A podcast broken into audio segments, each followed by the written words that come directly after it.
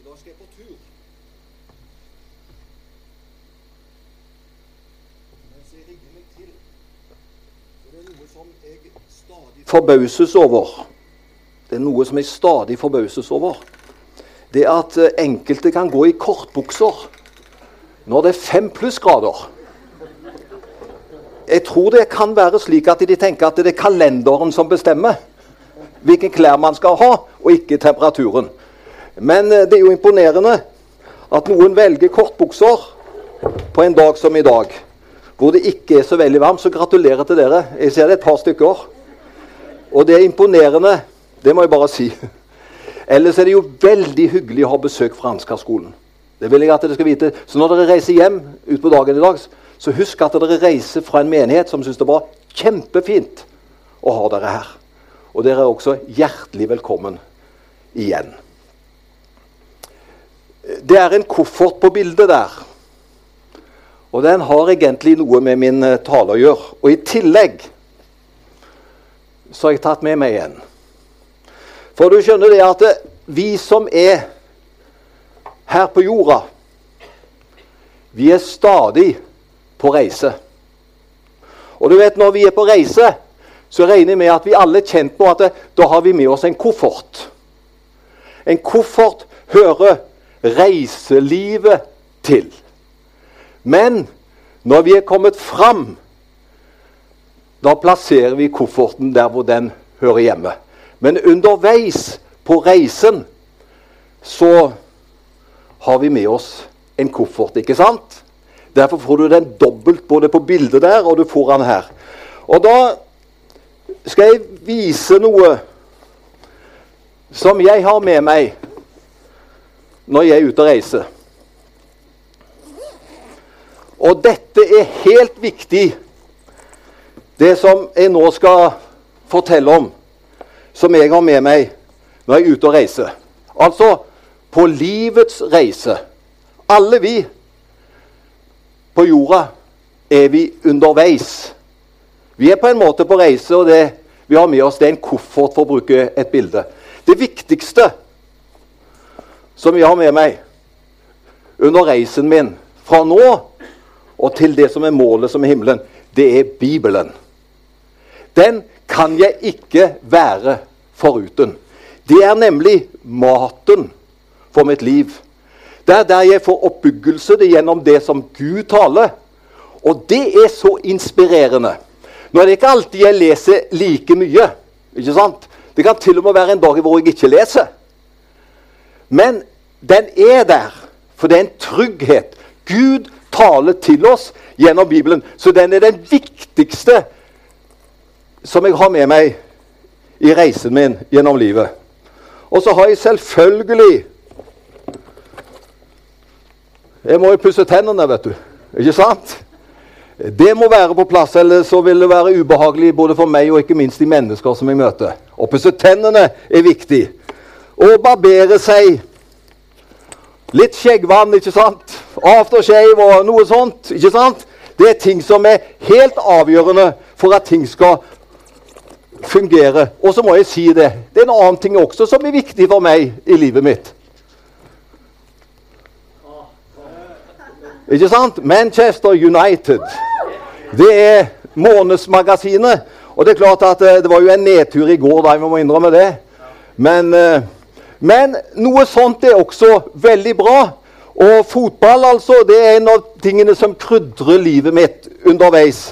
Og så må jeg bare si det at eh, hjemme så er jeg alene som heier på United. Alle de andre i familien, det er denne. Det er Liverpool. Og de har jo en god sesong. Så Ebbe hun heier på Liverpool. Og så har jeg sagt til henne at uh, for fredens skyld så kan det være mitt andre lag, men mitt første lag er jo selvfølgelig United. Og så gikk, uh, gikk det jo ikke så bra helt bra i går. Men så har jeg fått et nytt lag. Og da er det alltid som regel et lag som vinner. Kan dere gjette hvilket nye lag jeg har? Det er Viking, selvfølgelig. Tenk de lå under 3-0, og så vant de 4-3. Er det ikke fantastisk? Ja, det er bra. Så, ikke sant? Kan ikke du reise deg opp? Torbjørn, reis deg opp. Den flotte dama der, kan dere snu dere? Hun er ca. 93 år. Hun heier på Viking og er en helt entusiastisk Viking-fan. Det er bra. Det skal jeg også gjøre når jeg er 93 år. Men også før det. Så her har vi på en måte Livet er faktisk talt det er en reise for oss, og det er kort. Jeg syns det var gripende å høre vitnesbyrdet ditt. Du bassisten. Ja. Hva heter du igjen? Anders. Anders.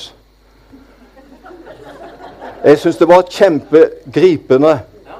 Han fortalte det at han hadde vært kort tid i menigheten. Så døde mammaen hans. Da må jeg bare si at jeg fikk en klump i halsen. Vet du hva? Hun har ikke lenger en koffert. Hun trenger den ikke lenger. Hun er kommet hjem. Og det vil bare si som Hadde hun vært her i dag, så hadde hun vært kjempestolt over deg. At du står der og er med. Fører arven videre. Du skjønner, nå bruker vi koffert, for vi er underveis. Men en dag så legger vi kofferten ifra oss. Da har vi kommet fram. Da er vi hjemme. Er du med? Det var det Jesus snakket om i Johannes 14. La ikke hjertet bli grepet av angst. Tro på Gud og tro på meg. I min fars hus er det mange rom. Var det ikke slik? Da hadde jeg sagt dere det.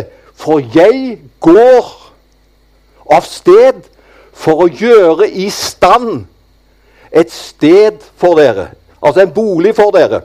Og når jeg har gått bort og gjort i stand et sted for dere, vil jeg komme tilbake og ta dere til meg, så dere kan være der jeg er. Det er egentlig teksten min, og vi har allerede fått det sporet under gudstjenesten i formiddag. Det var en misjonær. Han hadde vært misjonær i Afrika i 40 år. Og det er lenge. Han hadde sikkert hatt turer hjem underveis. Men en samlet misjonstjeneste på 40 år I dag så er det helt unikt. Og Han hadde som sagt vært ute i 40 år. Og så skulle han ta båten fra Afrika hjem til Amerika, som var landet hans. Og så kom han med den svære Amerikabåten inn til havnen i Amerika. Og så ser han, som skulle avslutte sin tjeneste, han ser at det, det vrimler folk på kaien. Og det er til og med storbandorkester som står der. Det er en rød løper som er leina der hvor båten kommer, og de skal gå ut.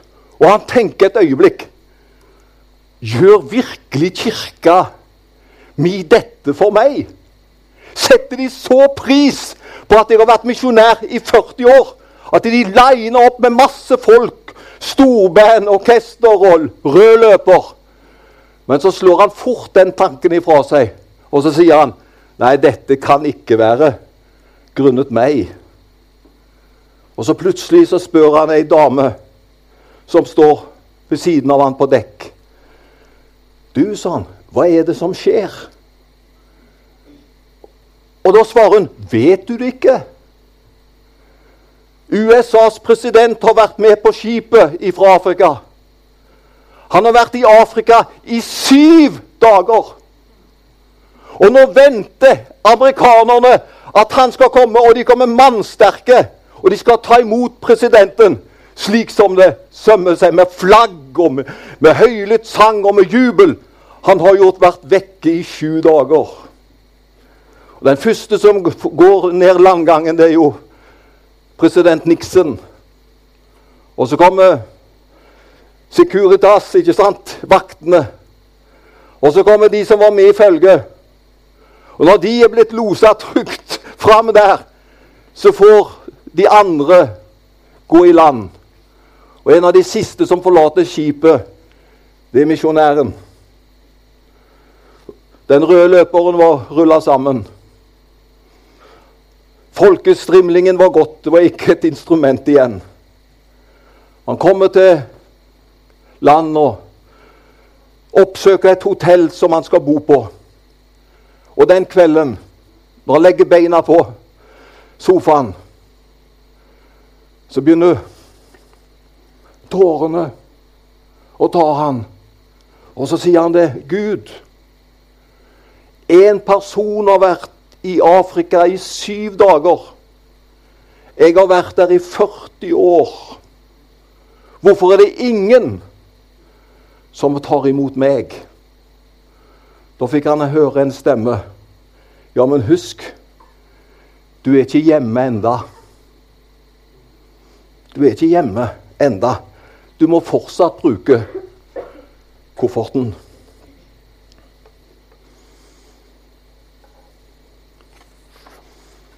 Jesus sier, 'Jeg går, for, jeg går av sted for å gjøre i stand et sted for dere.' Og når jeg har gått bort og har gjort et sted i stand for dere, vil jeg komme tilbake. For at dere skal bli med meg der hvor jeg er. Vi er med andre ord ikke hjemme enda. Det er derfor vi bruker kofferten. Vi er ikke hjemme enda. For den kristne kirke til alle tider har disse ordene fra Jesu munn betydd trøst, håp, midt i motgang og motløshet. Det er en hjelp til å løfte blikket og holde ut litt til. For vi har noe bedre i vente. Håpet om himmelen er til oppmuntring og en medisin for alle urolige hjerter. Vi lever jo nå i urolige tider. Tenk bare hva som har skjedd siden februar. Da skjedde det, slutten på februar så skjedde noe som jeg tror det var få som hadde satsa på at det skulle skje. Men plutselig så gjør den uberegnelige Putin den handlingen. Og han bruker de soldater som han har, og så går de løs på Ukraina. Og så er vi midt i dette. Og jeg vil bare si det Europa er blitt annerledes bare på noen få uker. Og det er mange mennesker i dag som er urolig. De tenker 'hva er dette for noe'? Er det en storkrig på gang. Nå på mandag som var, så besøkte jeg kanskje vårt nest eldste medlem. For du er kanskje det eldste, men hun som jeg besøkte for på mandag, hun er 92 år gammel. Og vi hadde en god samtale, men så sier hun Du, Sten, sa hun. Jeg er blitt deprimert. Jeg er blitt liksom så urolig. Det er et eller annet der inne som skjer med meg. Fordi, sa hun TV-en står jo veldig mye på, sa hun. Og det er nyhetssending på nyhetssending, og jeg får se hele tiden hva som skjer i Ukraina med krigen. Og da måtte jeg si til henne hvis jeg skal få lov å gi deg et godt råd, så skru av, sa jeg. Du trenger ikke la den surre hele dagen. Jeg har nok jeg med å se nyhetene én gang om dagen.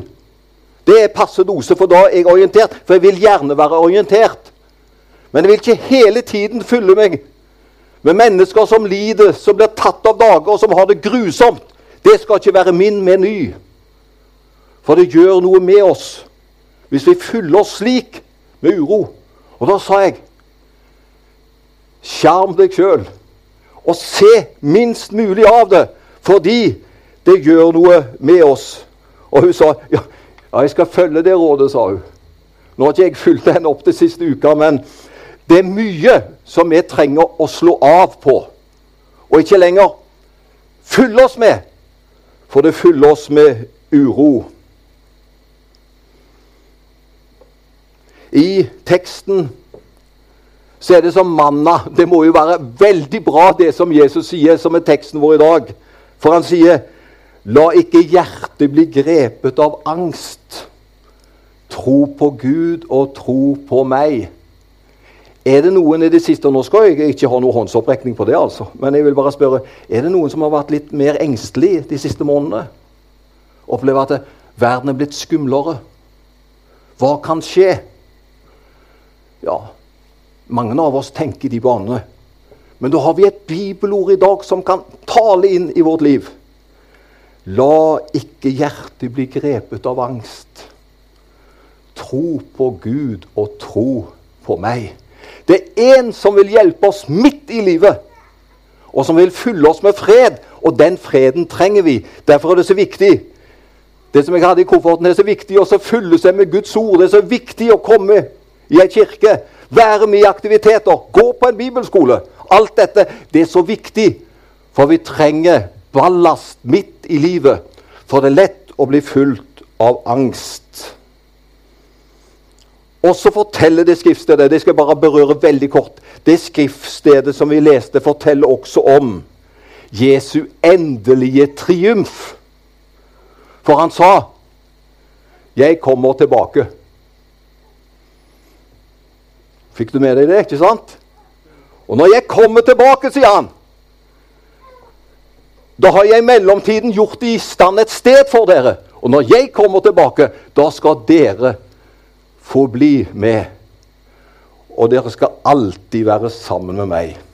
Og det er det som er triumfen. Det er det som er det endelige. Det er ikke det onde som skal seire, men det er han som skal seire til slutt over det onde. Jeg kommer tilbake. Derfor har Guds folk det beste i vente. Selv om det kan være tøft underveis, så er målet vårt det beste. Og en dag så vil Jesus komme for å hente oss hjem. Og Jesus ønsker at vi, du og jeg, skal få erfare himmelen. Jesus ønsker at alle mennesker en gang skal få komme hjem til ham. Til et sted hvor det ikke er smerte eller savn eller sykdom eller sorg. Det er ikke ensomhet, det er ikke ondskap. Der står det at Gud skal tørke bort hver tåre fra våre øyne, og døden skal ikke være mere. Heller ikke sorg, skrik eller smerte. For det som en gang var, er borte. Slik beskriver apostelen Johannes himmelen i sitt store syn. Og Hvorfor forteller Jesus denne teksten som er vår i formiddag? Hvorfor forteller han det? Hva er grunnen til at Jesus åpenbarer fremtiden for sine disipler? At han er, en, er nå i himmelen, og en dag skal han komme tilbake. Hvorfor forteller han det? Jo, fordi Hør! Å kjenne fremtiden endrer nåtiden. Å vite hva vi har i vente, gjør dagene mens vi venter, lysere.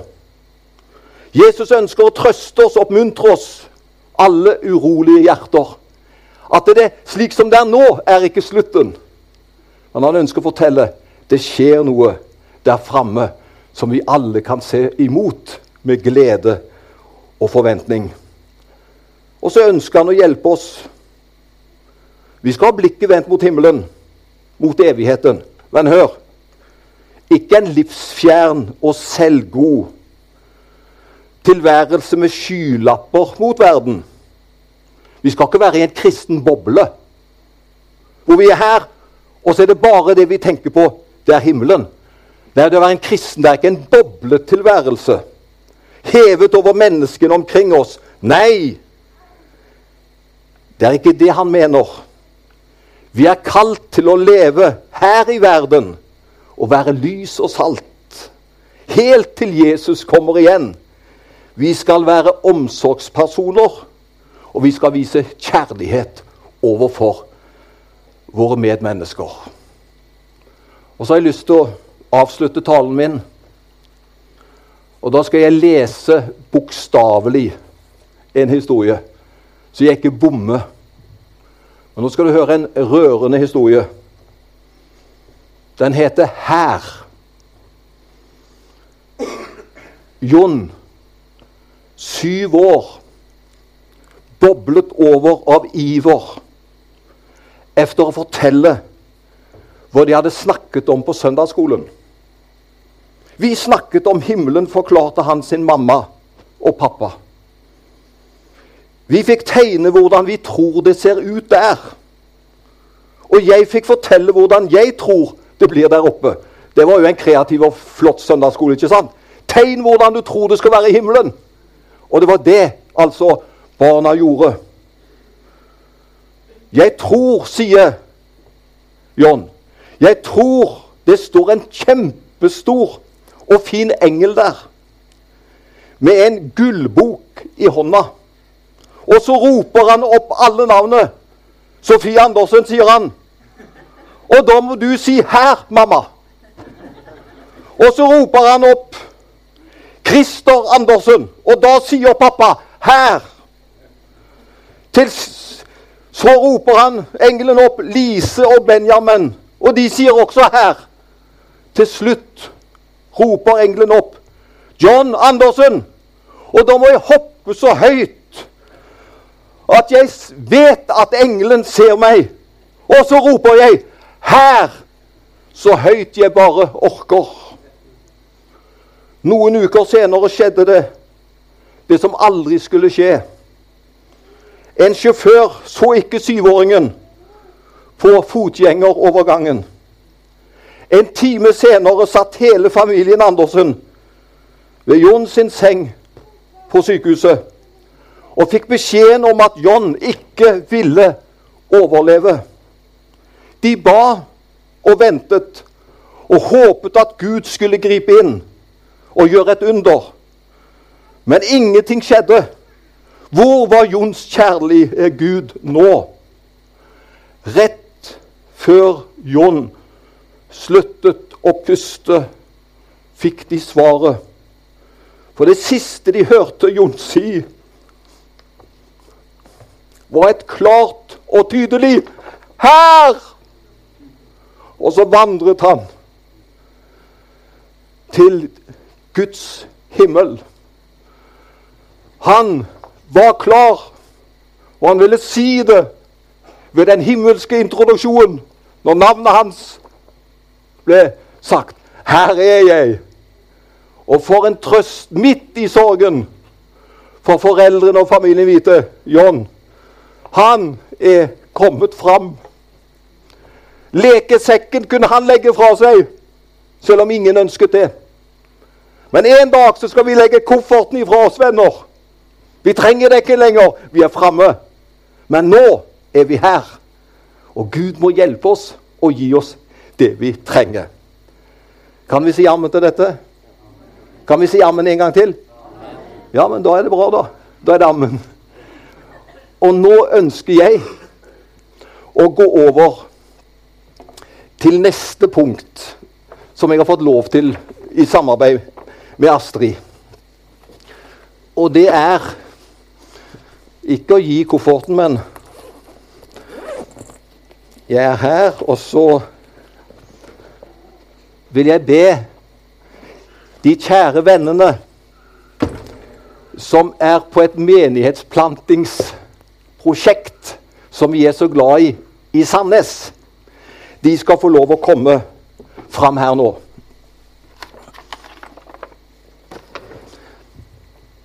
Alle er ikke til stede i dag, men de fleste er der. Det er de som på en måte er Hva skal jeg si med å forberede menighetsplantingen. Eh, og vi ser jo her at det er en, det er en flott gjeng. Kan, du heter? Chris. Chris. På siden. Ivar Og, og Malin. og Malin. Renate og Sander. Georg. Ja, Markus og Ja. Og så er det noen til. Men det er disse som på en måte per i dag er grunnstammen i det som i dag er en planting i Sandnes. Og det som jeg har bare lyst til å si til oss, det er jo at vi i menigheten her, vi er mora. Dette er dattera. Er det greit? Og da skjønner vi at ei mor har ansvar.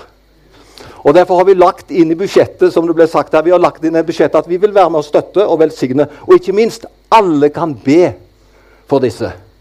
Og det håper jeg blir gjort. At vi ber for disse. De brenner i sitt nærmiljø at de skal få være med og vinne noen der. Og så er også Misjonskirka Norge selvfølgelig med i ryggen på dette. Og så er vi sammen om dette. Så jeg syns dette er så bra, og jeg har lyst til å be i bønn for dere. Ønsker dere Guds velsignelse? Ønsker dere suksess på alle plan, og at Herren er med dere? Og så vil jeg bare gi det lille ordet som står i Johannes' åpenbaring 3,8. Se, jeg har satt foran dere en åpen dør. Og hør, og ingen kan lukke den. Det er min hilsen. Herren har satt foran dere en åpen dør, og ingen kan lukke den.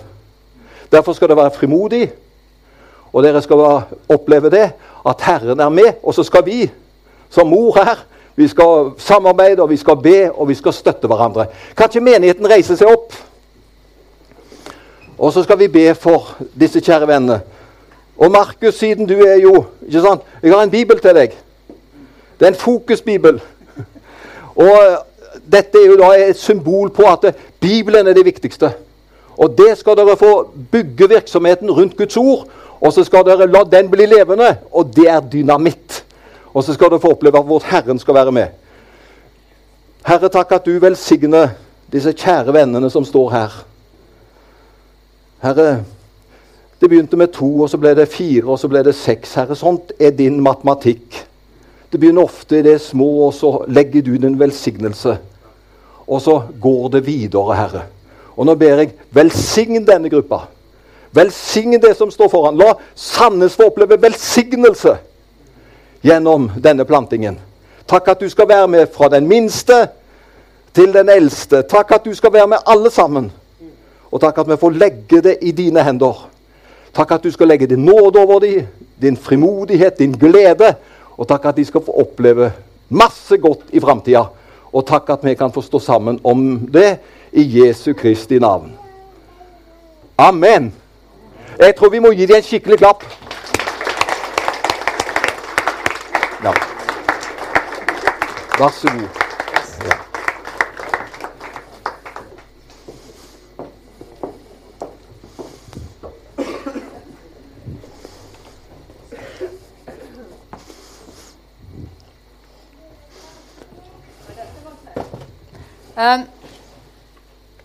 Um, jeg har lyst